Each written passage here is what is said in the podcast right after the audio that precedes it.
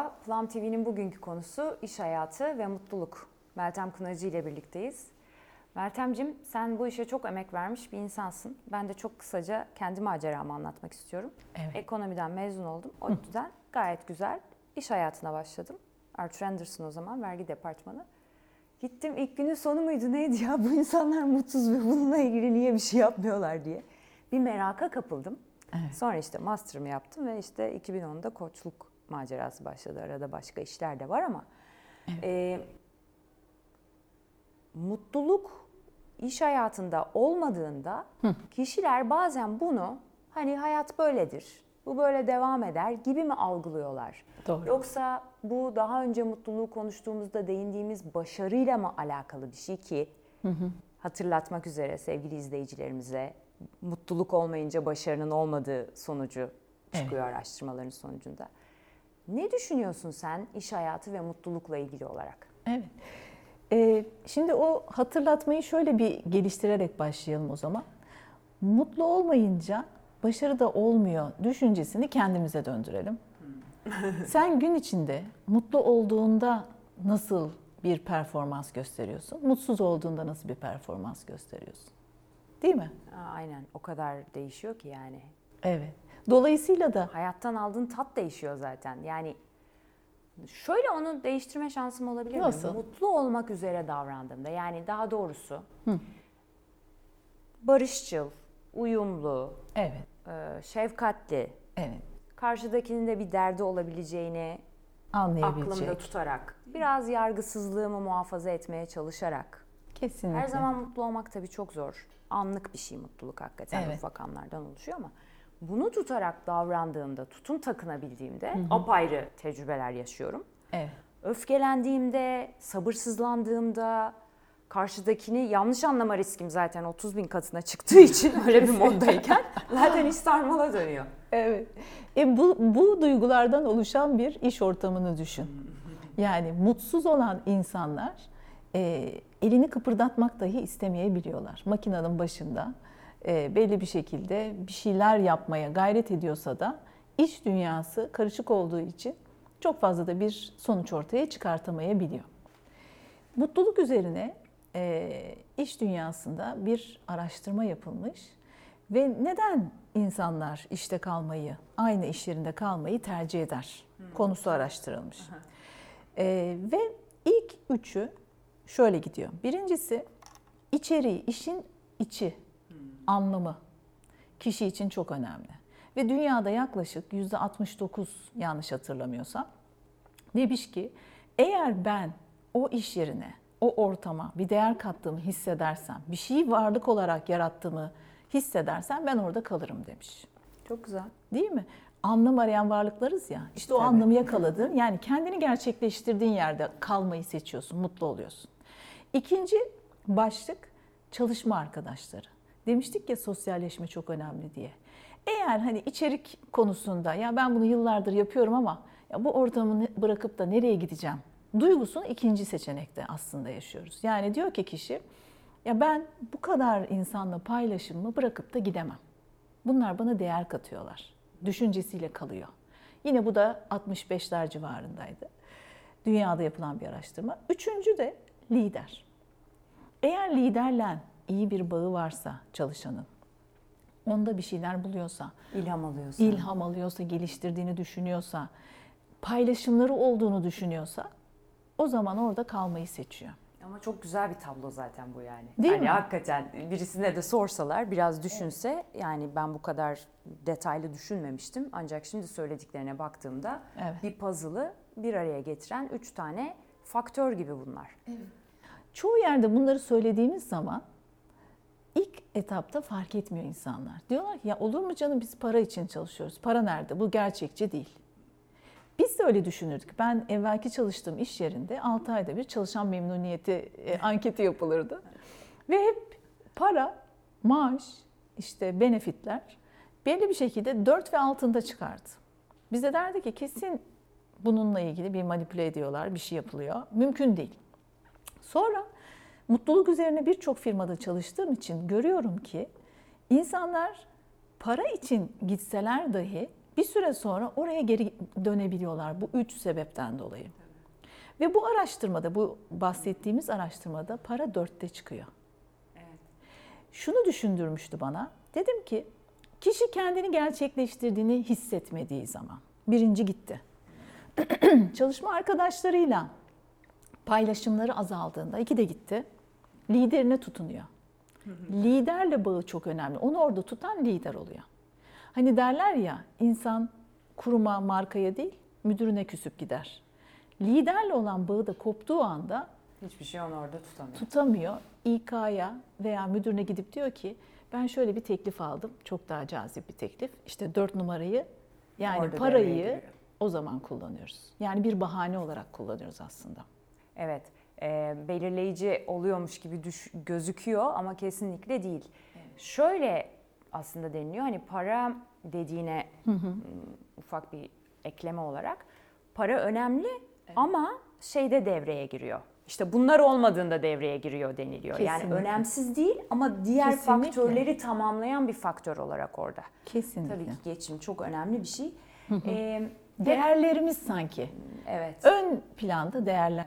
Bir de çok uzun süre işte geçiyor Meltem. Düşünsene sabah giriyorsun, akşam çıkıyorsun. Şimdi tamam bu pandemi sonrası biraz hibrit yapıya geçildi, biraz uzun süre evden çalışıldı belki ama gene de kişinin normalde bile bir arkadaşımızla bile gittiğimizde bir yemeğe bazen çok güzel bir sohbet ediliyor. Ay diyorsun ya ne kadar zenginleştim buradan kalkıyorum diyorsun. Evet. Bazen bana oluyor bir ortamdan çıkıyorum ay içim boşalmış gibi hissediyorum yani.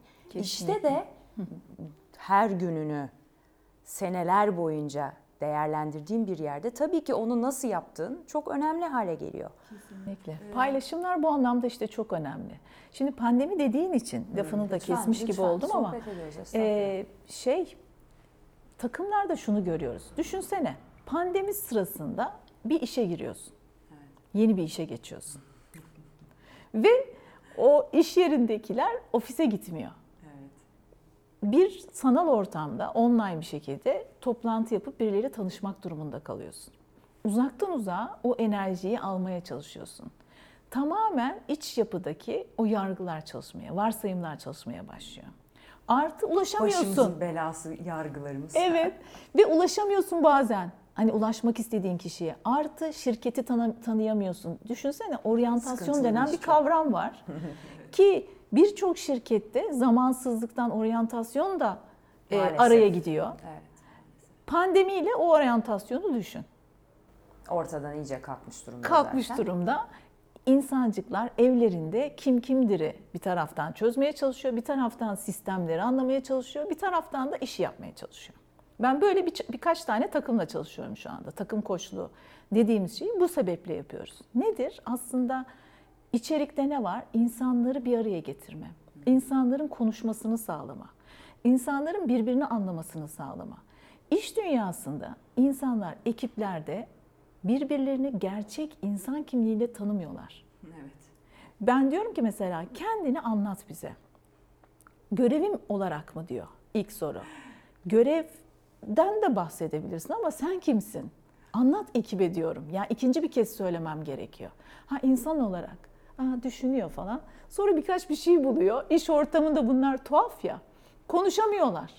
Benim tezim bununla başlıyor. Anger Öyle Management mi? diye, Ha. öfke kontrolü diye bir film vardır. Jack Nicholson'la Evet. Adam Sandler'ın. Doğru. Adam grup yapar işte. Adam Sandler gelir der ki hani who are you? Kimsin sen der. Adam der ki ben eksekutif asistanım. Ben de der sana ne yaptığını söyle sormuyorum. Kimsin diye soruyorum. İşte o kadar. İşte kişiler ama ister istemez de bir noktada kendilerini işleriyle kimliklerini tanımlamaya başlıyorlar. Kesinlikle. Yani nasıl dinle, işte ülkeyle, Evet. aileyle tanımlıyorsak bir noktadan sonra o da aslında kimliğimizin bir parçası oluyor ama büyük bir parçası haline gelebiliyor tabii Geliyor. bazı kişilerde. E sen çok güzel anlatıyordun takımları Bu kimlik deyince şeyi de hatırlattı. E, kimlikler bazen dediğin gibi önümüze geçiyor. Kendimizin önüne geçiyor.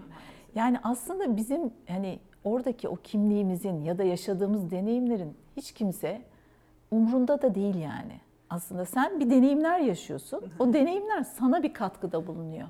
Kalkıp o kimliğin içerdiği bir takım şeylerden bahsetmek de çok anlamsız. Ve bazen aa bu kişi neler yapmış deyip özendiğimiz bazı hikayeler duyuyoruz. İşte bu da bile bizi mutsuz edebiliyor. Yani diğerlerinde o başardığını düşündüğü hikayeler. Aslında belki o kişi hani onu önemsemiyor bile. Aynen öyle. Onun için o kavrama bile girmiyor. Çok olabilir. önemli değil. İşte bu mutsuzluğun önceki söyleşimizde de hafif değindik. Karşılaştırmak da aslında çok büyük mutsuzluk getiren bir şey. Kesinlikle. Yani nasıl iki insan aynı değilse Evet. dediğin gibi ancak gündelik hayatta bu prensipler hep tabii geri plana ister istemez Evet. atılıyorlar. Ara sıra bunların üzerine oturup düşünmek o yüzden iyi oluyor. Evet. Yani şey gibi bir hani ben bir şu düşünce sistemimi bir elden geçireyim. Çünkü onlar benim gündelik hayatımdaki otomatikman her şeyimi etkiliyorlar gibi düşünüyorum ben. Şimdi seninle konuşurken düşüncelerim gelişiyor. Evet. O düşünceler zaten bizim tüm davranışlarımızın kaynağı. Yani iki kişi sana, biri sevdiğin birisi olsun, biri sevmediğin birisi olsun. İkisi de aynı davranış yapıyor diyelim ki.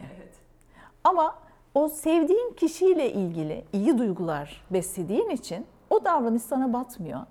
Ama Veya hoş sevmediğin, görebiliyorsun. hoş görebiliyorsun. Ama o sevmediğin kişi aynı davranışı yaptığı halde onu tersleyebiliyorsun. İşte bu insanın aslında nasıl diyeyim flow hani bir kötü yani nasıl diyeyim bir hatası, hatalı Evet. makine Defosu. olmamızın aynen defosu. Teşekkür ederim. Hani o Kahneman'ın bir kitabı vardır. Evet. Aynen oradaki gibi aslında çok iyi çalışmıyor bu mekanizma. Onun farkında olmak çok kıymetli. Ee, korumak anlamında da kendimizi kıymetli Çok çok diye doğru. düşünüyorum. Peki aklıma şu geldi merak sorusu. Sen takımlarla çalışırken Evet. böyle ya şöyle bir şey oldu da e, bir mutsuzluk vardı ve biz şöyle bir şey fark ettik de böyle çıkan bir pattern var mı takımlarda? Yani genelde şu ortadan kaldırıldığında veya şu yapıldığında kişiler daha kolay anlaşmaya başlıyorlar, daha huzurlu bir ortam yaratma şansımız oluyor. İlk Şansları etapta, oluyor. İlk etapta bu soruna gelen cevabım kişiselleştirme olur.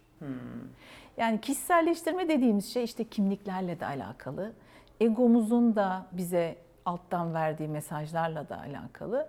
Ee, karşımızdaki kişinin bazı şeyleri benimle ilgili düşündürmeme sebep olması.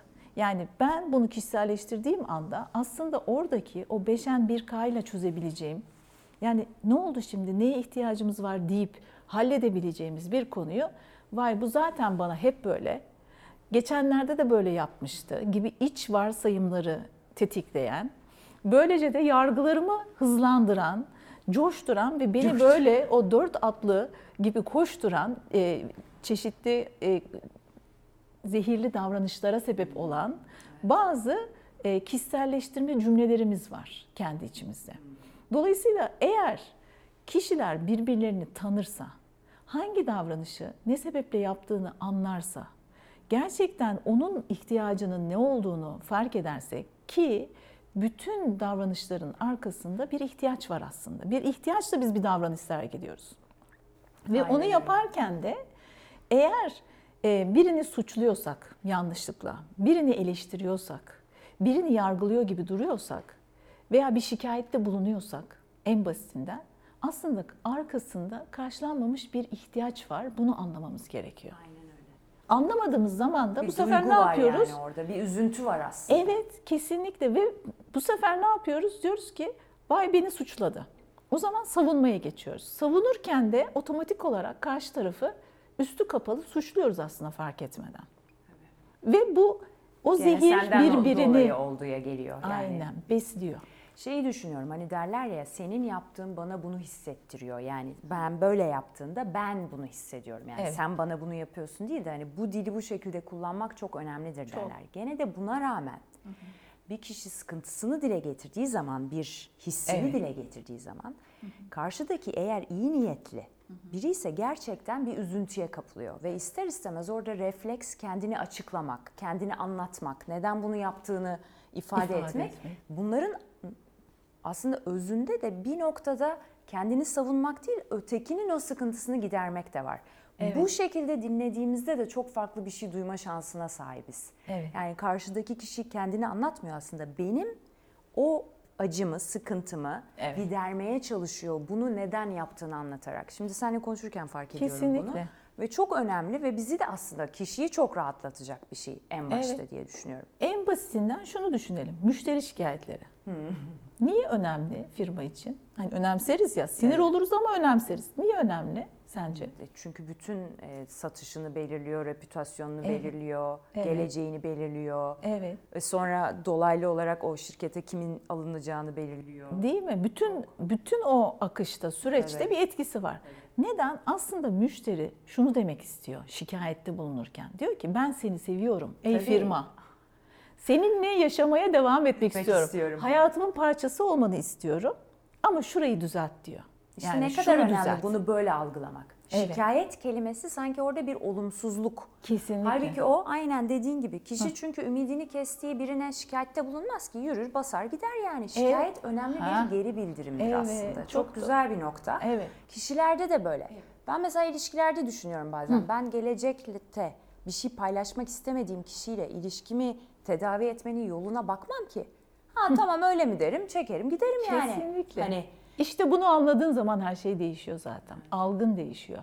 Bu sefer diyorsun ki biz geri bildirim eğitimleri de veriyoruz ve ne kadar da yıllardır bu veriliyor olsa da hala şu anda geri bildirim anlaşılmış bir şey değil. yok. İnsanlar bilmiyor. Tamam mı? Hani bunu eleştiri olarak söylemiyorum. Yok, yok, bu zor bir Algılamakta Tabii. zorlanıyorlar. Hatta eleştiriyi kabul etmekte daha büyük bir e, kabul gösterirken geri bildirimi bir türlü algılayamıyor çalışanlar. Eleştiriyi bana karşı savunanlar oluyor. Düşün eğitimlerde. Ay eleştiri çok iyi bir şeydir, yapıcıdır. Yapıcı eleştiri diye bir şey yoktur diye ben savunuyorum. Neden? Çünkü eleştiri kritisizm diye geçer.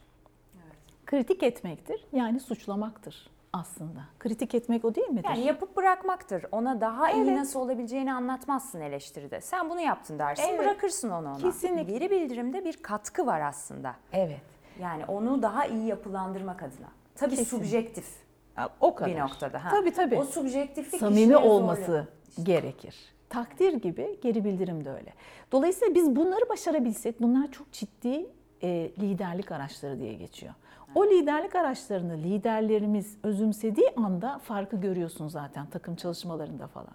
Ya da şirket ortamında. Yani bunları biz şu anda bilirkişi gibi konuşmuyoruz.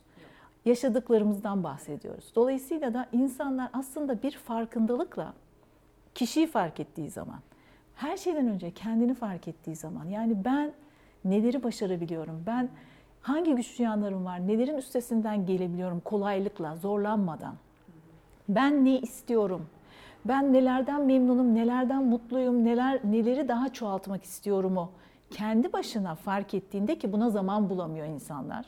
Daha doğrusu onun yapması gerektiğini fark edemediği için zaman bulamıyor. Yoksa her şeyi istediğimiz zaman zaman yaratıyoruz. Kaçınmıyorlarsa Evet. gibi evet. Dolayısıyla onu fark etmek yani biz aha moment diyoruz ya koştukta. Aha dediği anda aslında bir şey değişecek. Yani onun için bir fırsat ortaya Yani çıkıyor. bir düğme oradan dokunulmuş oluyor, Kesinlikle. oluyor. Önce kendine odaklan dememizde de amaç bu. Yani bir kendini tanı, bir kendini bir incele, kendine dön. Dedik ya manevi beden. Kaynağını, enerji kaynağını tespit et. Sen enerjiyi nereden alıyorsun? Birey bunu fark ettiği anda ekipteki hava da değişiyor. Duygusal durum da değişiyor. Bu sefer ne oluyor? O birbirine değecek şekilde göle taş at, o dalgalar yayılsın durumuna geçiyor. Ve sen takım içerisinde bir şeyi iyileştirdiğin zaman onun dış dünyada, özel hayatta kimlere kadar ulaşacağını dahi bilmiyorsun. Kendin iyileşiyorsun çünkü bir şeyi iyileştirdiğin zaman Kesinlikle. aslında kendin de iyileşmiş oluyorsun. Evet. Ee, süremizin sonuna yaklaştık Meltem. Çok teşekkür ediyorum bu Ne demek, kıymetli ben teşekkür bilgiler için. ederim. Çok da keyifli bir sohbet oldu beni de düşündüren ve fikrimin gelişmesine vesile olan. Bir de en son olarak şu dinleme konusunu söylemek istiyorum. Aslında dinlemek bir kişiyi ne kadar kıymetli bir şey ve ne kadar az yaptığımız bir şey değil mi? Maalesef. Ee, gerçek dinlemeyi ne kadar az tecrübe ettiğimizi düşünüyorum. Birçoğunun özü de galiba birçok şeyin dinlemekten geçiyor. Kesinlikle. Şöyle eğitimlere denk geldim. Ee, şimdi bazı eğitimlere başlarken e, tanışma safhasında soruyorsun. E, koçlukla alakalı bir takım eğitimlerde. Aa, bu bizim kaçıncı aldığımız eğitim diyen başlangıçlar olabiliyor. O eğitimlerin sonuna geldiğimizde daha öncesinde birçok koçluk eğitimi aldığını söyleyenler diyorlar ki ya biz dinlemeyi bilmiyormuşuz. O zamana kadar aldıklarında ne öğrendin? Ya da bu dinlemeyi nasıl algılıyorsun ki öğrenemiyorsun acaba? Değil mi? Yani dinlemek dediğin şeyin arkasında aslında ihtiyaç ne? Ne amaçla dinliyorsun? Dolayısıyla biz derin dinleme dediğimiz noktada kendi gündemimizi geriye bırakarak dinliyoruz ya. Onu başarabildiğin zaman gerçekten karşı tarafta oturan kişinin neye ihtiyacı olduğunu duyabiliyorsun. Yargısız. Ya da ona en azından bunu fark ettirme şansın oluyor. Çünkü kişi anlatırken de kendini dinliyor. Aynen öyle. Kendini dinlerken de ağzından çıkanı kulağın duyuyor. Dolayısıyla bu tür gerçekten derin, anlamlı sohbetler iş ortamında olduğu zaman da o dinlemeyle beraber iki tarafta gelişebiliyor. Birbirini tanıyorsun, birbirine destek olabileceğin durumları anlıyorsun. Belki kişi ihtiyaçlarını ifade edebiliyor. Sen ona belki çözüm bulmak üzere bir öneride bulunabiliyorsun. Beraberinde de bir bağ oluşuyor. Önemli olan da zaten çalışanlarla liderler arasında, çalışanlar kendi aralarında o bağı yakaladığı zaman işbirliği denen, sonuçlara gitme demen. Çünkü takımlar sonuç üretmek için kuruluyor. Onu yapmak çok daha keyifli, çok daha sonuç odaklı, çok daha verimli hale geliyor. Ama bunu işte belki de dediğin gibi dinlemeyle başlıyor. Çok çok teşekkür ediyorum. Umarım izleyiciler de keyif almıştır. Güzel bir gün diliyorum. Hoşçakalın.